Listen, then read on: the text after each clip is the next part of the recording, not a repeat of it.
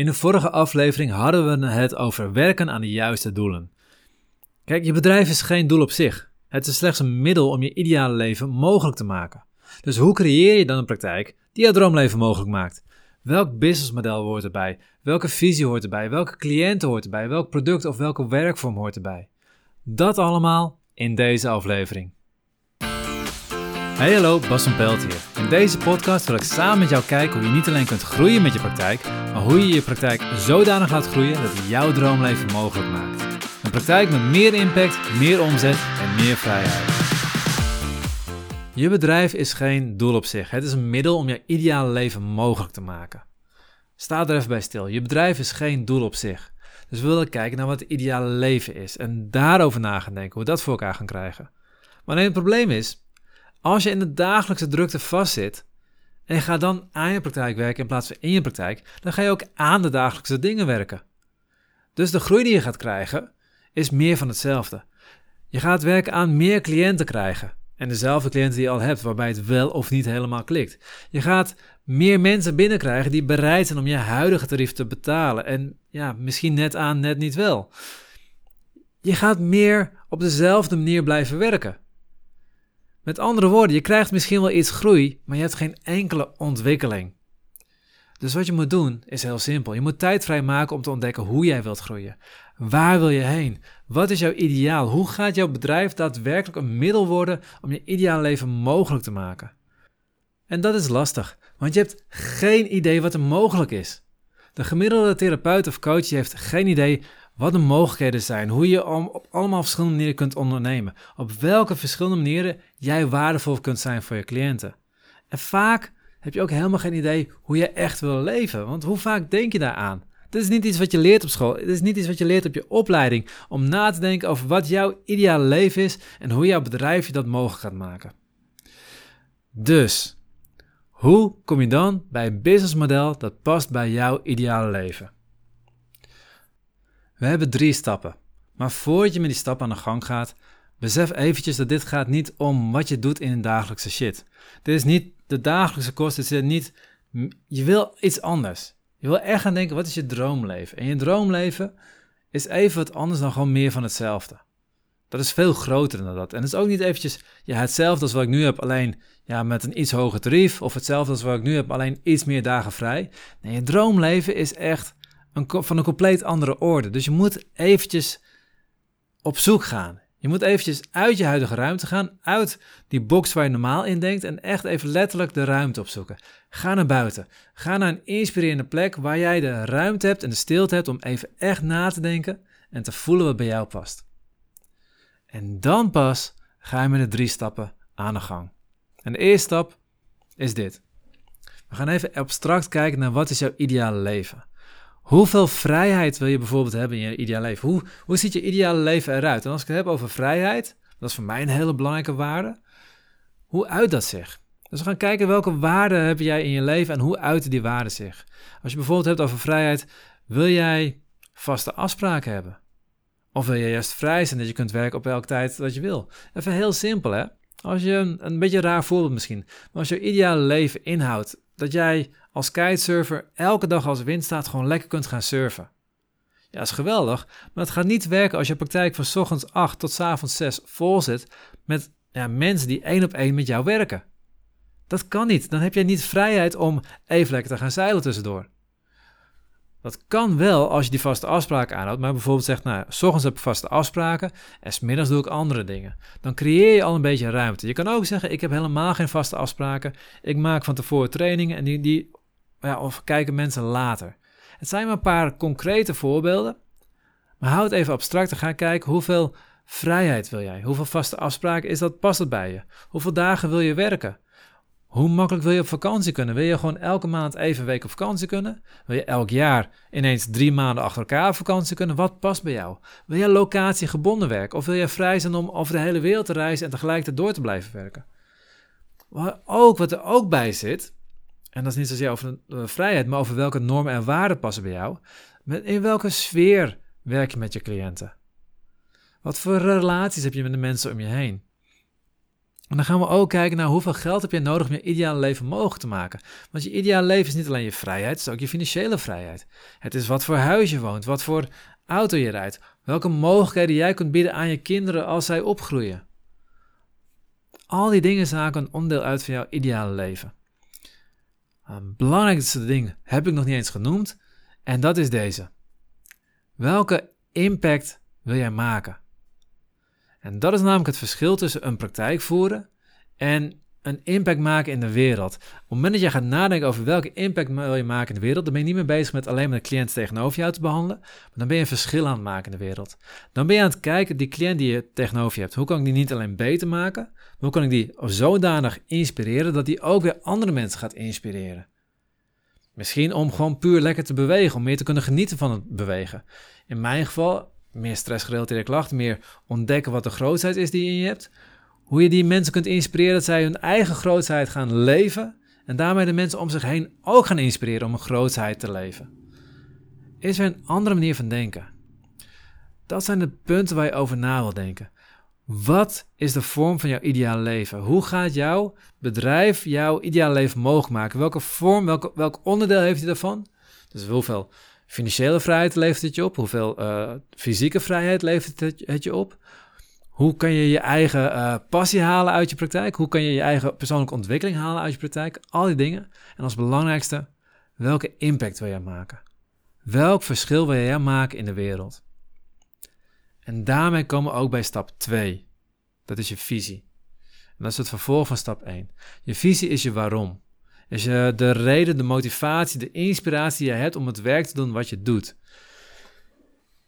Als ik hem heel simpel probeer te zeggen.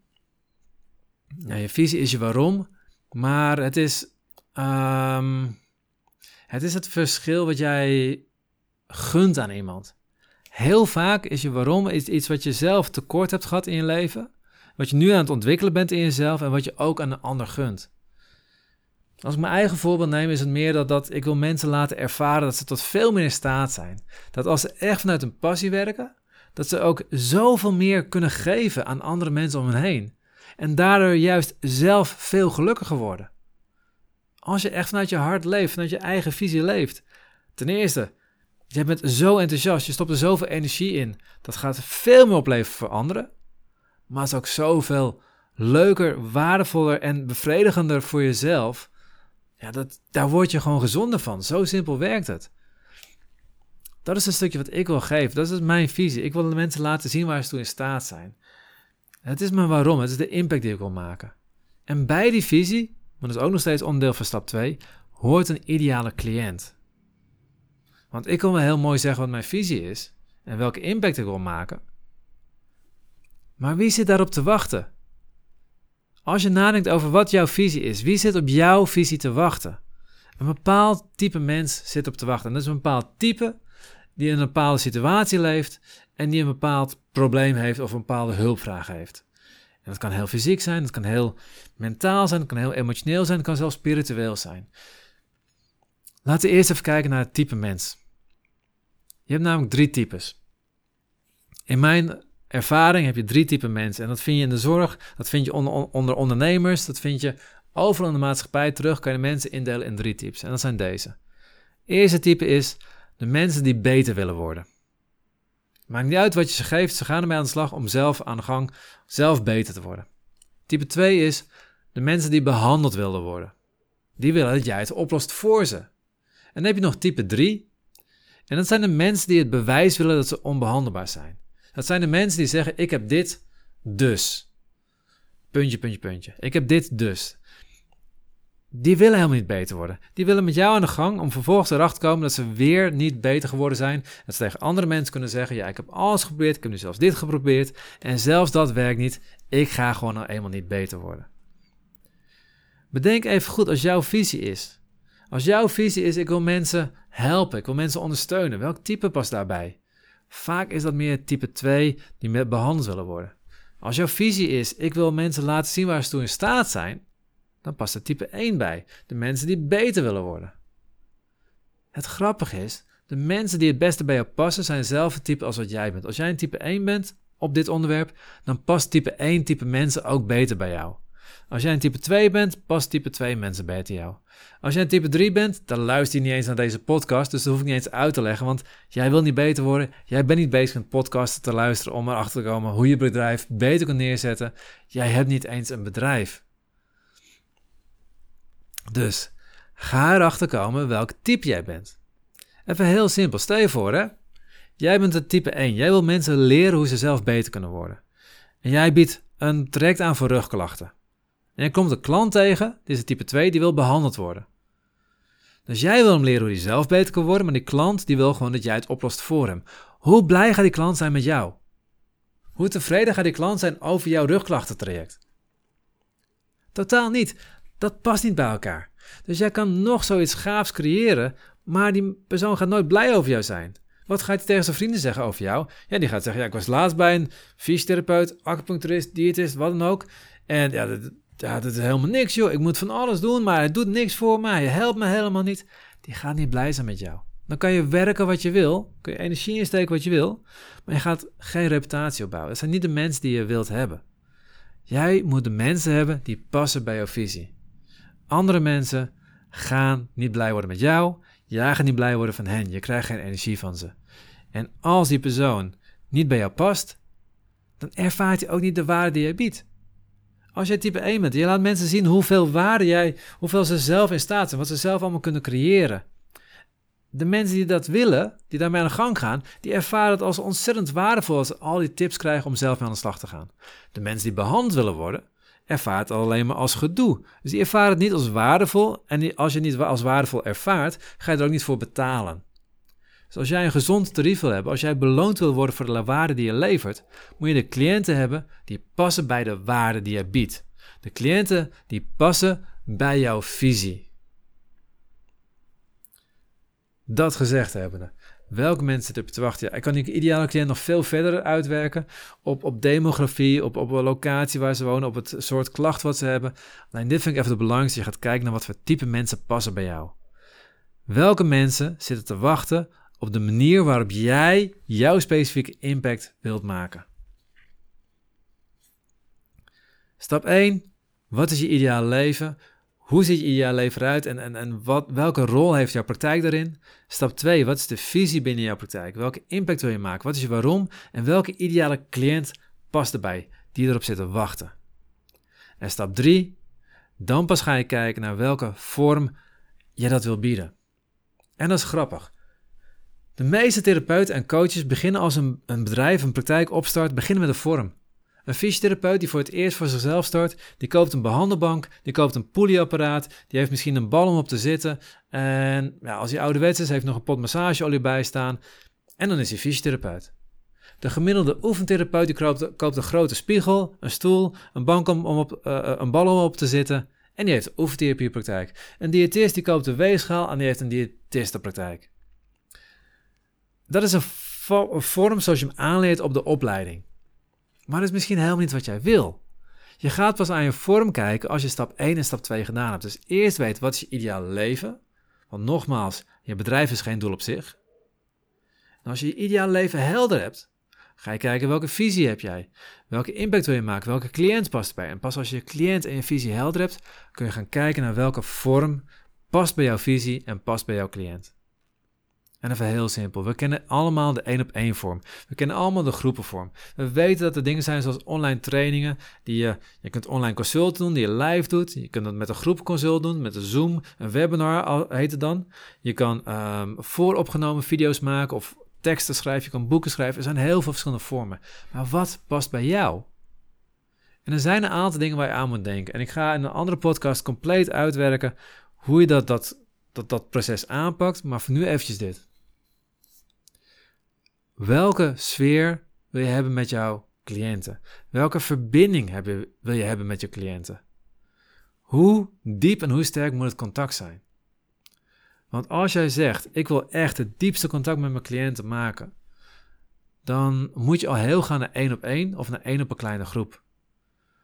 Of je moet echt hele goede selectie hebben van groepen.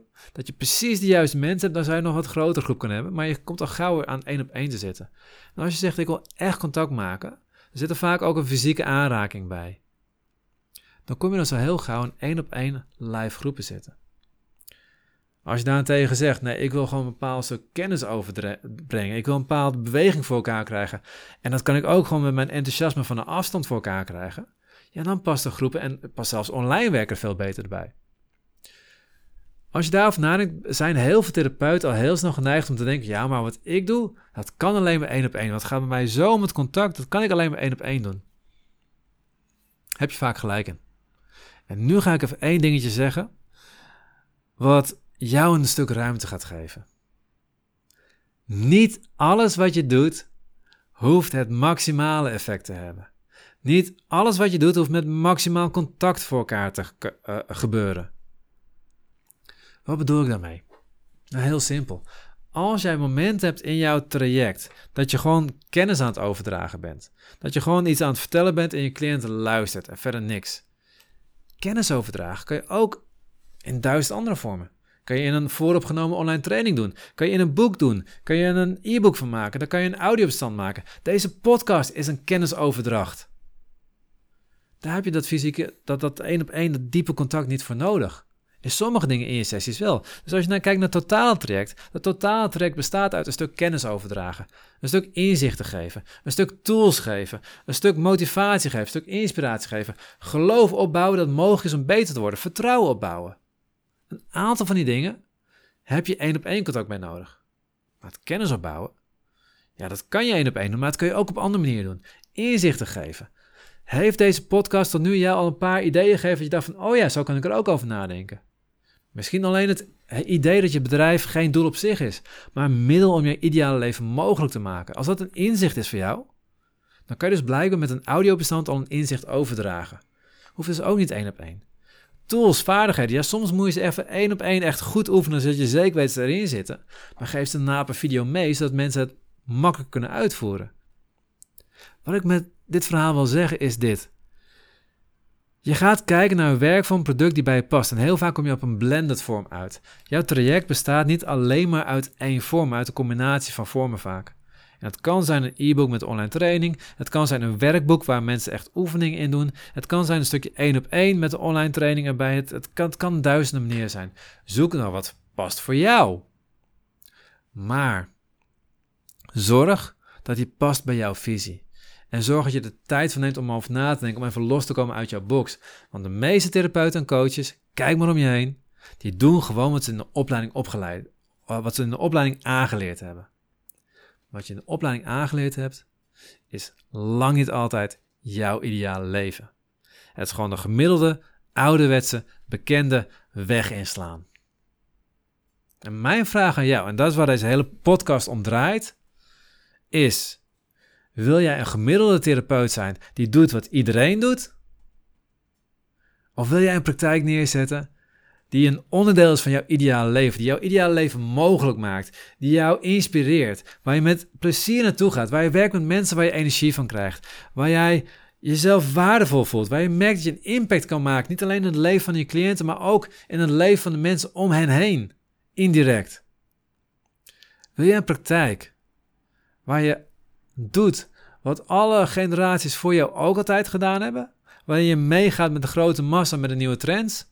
Of waarin je doet wat uit jouw hart komt? Waar jij blij van wordt? Wat bij jou past? Jouw visie, jouw passie, jouw manier van werken. Met de mensen waar jij energie van krijgt. Het enige wat ik je vraag is een keuze te maken tussen die twee dingen. Wat kies jij?